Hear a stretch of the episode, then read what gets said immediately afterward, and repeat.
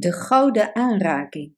Er was eens een koning, zijn naam was Midas. Hij was stapeldol op goud. Hij hield er zoveel van dat hij eigenlijk nergens anders meer aan dacht. De koning had een dochtertje genaamd Marigold. De koning hield ook ontzettend veel van haar. Maar hoe meer hij van haar hield, des te meer hij naar goud verlangde. Hij wilde dit voor haar, zodat zij heel veel goud van hem zou krijgen. Nu was de koning niet altijd zo bezeten van goud geweest. Ooit hield hij erg van bloemen. In zijn tuin stonden nog steeds de mooiste exemplaren die je maar op de wereld kon vinden. Zijn dochter plukte elke ochtend wat bloemen voor haar vader. Hoewel de koning de bloemen erg mooi vond, kon hij het niet laten om ze naar waarde in te schatten. Hij keek niet meer naar de vorm en de kleur van de bloem, maar kon alleen maar denken hoeveel geld deze exotische bloem hem zou opbrengen. Nu had de koning de gewoonte om dagelijks voor het slapen gaan zich terug te trekken in zijn schatkamer. Daar knuffelde hij al zijn gouden voorwerpen. Ach, was ik maar de rijkste man op aarde, dacht hij vaak bij zichzelf. Kon ik maar al het goud in de wereld bezitten, zuchtte hij keer op keer. Op een avond verscheen er een vreemdeling in de schatkamer. Dat was raar, want de koning deed de deur altijd op slot, ook als hij zelf de schatkamer bezocht. Dit moest dus wel een engel of een fee zijn. Hij was in ieder geval niet bang voor de vreemdeling. Zijn gezicht zag er erg vriendelijk uit. De vreemdeling zei: Zo, Midas, je bent een rijk man, zie ik. Ach ja, antwoordde de koning, maar je lijkt niet erg gelukkig, vervolgde de vreemdeling. Ach, ik zou er alles voor over hebben om de rijkste mens op aarde te zijn, zei Midas. Maar dit is nog maar een hopeloos beetje, als je het vergelijkt met wat er in de wereld aan goud te halen is.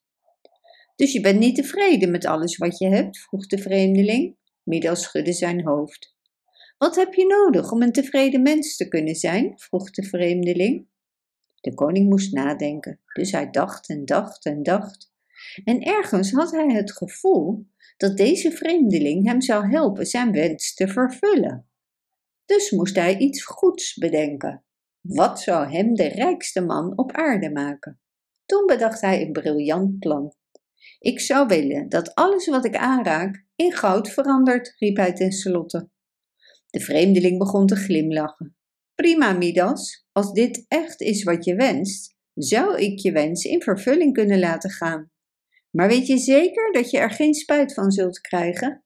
Wel nee, riep de koning, ik zal de gelukkigste man op aarde zijn. Goed dan, zoals je wilt, zei de vreemdeling.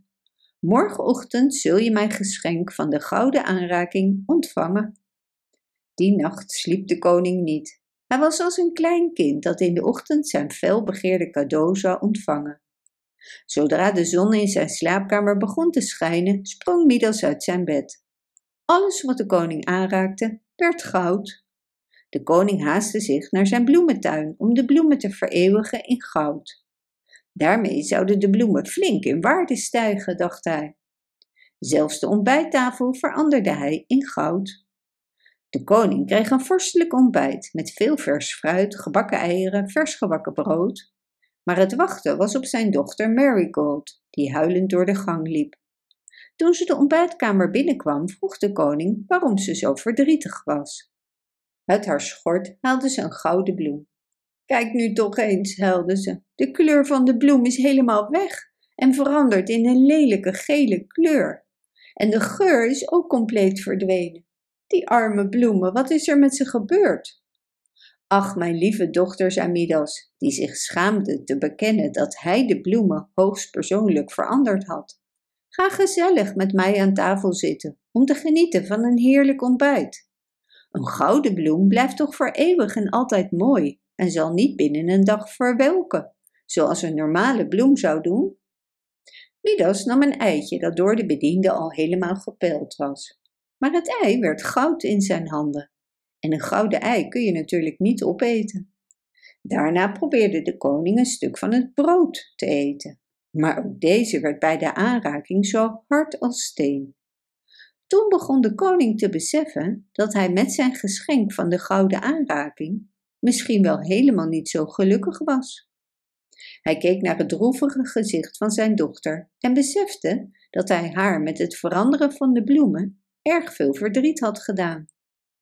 Toen wilde hij een slok van zijn koffie nemen, maar ook dat ging niet, want voordat het kopje zijn mond bereikte, was de inhoud van het kopje niet vloeibaar meer. Och, riep de koning, wat nu? Ik kan niet eens genieten van een stukje brood of een kop koffie, zoals de grootste armoedzaaier dat wel zou doen. Hoe kan ik dit ongedaan maken? Zou ik dan liever een armoedzaaier zijn in plaats van een koning met het meeste geld van de wereld? De koning raakte er erg van in de war. De koning keek naar zijn dochter en besefte dat hij rijkdom verkeerd had ingeschat. Tegenover hem zat zijn mooiste bezit en niets kon de waarde van zijn dochter overstijgen, ook het geschenk van de gouden aanraking niet. Er rolde een traan over zijn wang en toen Marigold het zag, vroeg ze: Lieve vader, wat is er toch aan de hand met je? Mijn liefste Marigold, je zult je vader een oude dwaas vinden, antwoordde de koning. Daarop stond Marigold op om haar vader een knuffel te geven en de koning gaf haar een kus. Je bent een lieverd, zei de koning, maar Marigold antwoordde niet. Ze was namelijk veranderd in goud. Ach, wat had hij gedaan! Met zijn aanraking had hij van zijn dochter een gouden beeld gemaakt. De koning, die op momenten dat hij bijzonder veel van zijn kind hield, altijd zei dat ze haar gewicht in goud waard was, had nu van die uitdrukking werkelijkheid gemaakt. Hoe dom was hij geweest! Hij zou al zijn rijkdommen direct afstaan als hij hiermee zijn dochter weer in haar oorspronkelijke staat terug zou krijgen. Opeens stond daar de vreemdeling weer voor de deur. En Midas, zei de vreemdeling, bevalt de gouden aanraking je goed? Midas schudde zijn hoofd. Ik ben erg ongelukkig, zei hij. Goud is niet alles. Ik heb alles verloren waar mijn hart echt om gaf. Ik besef nu dat een stukje brood beter is dan al het goud op aarde. Dus je zou het geschenk van de gouden aanraking willen ruilen om je kleine Marigold weer terug te krijgen, zoals ze een uur geleden was? vroeg de vreemdeling. Niets liever dan dat, antwoordde de koning.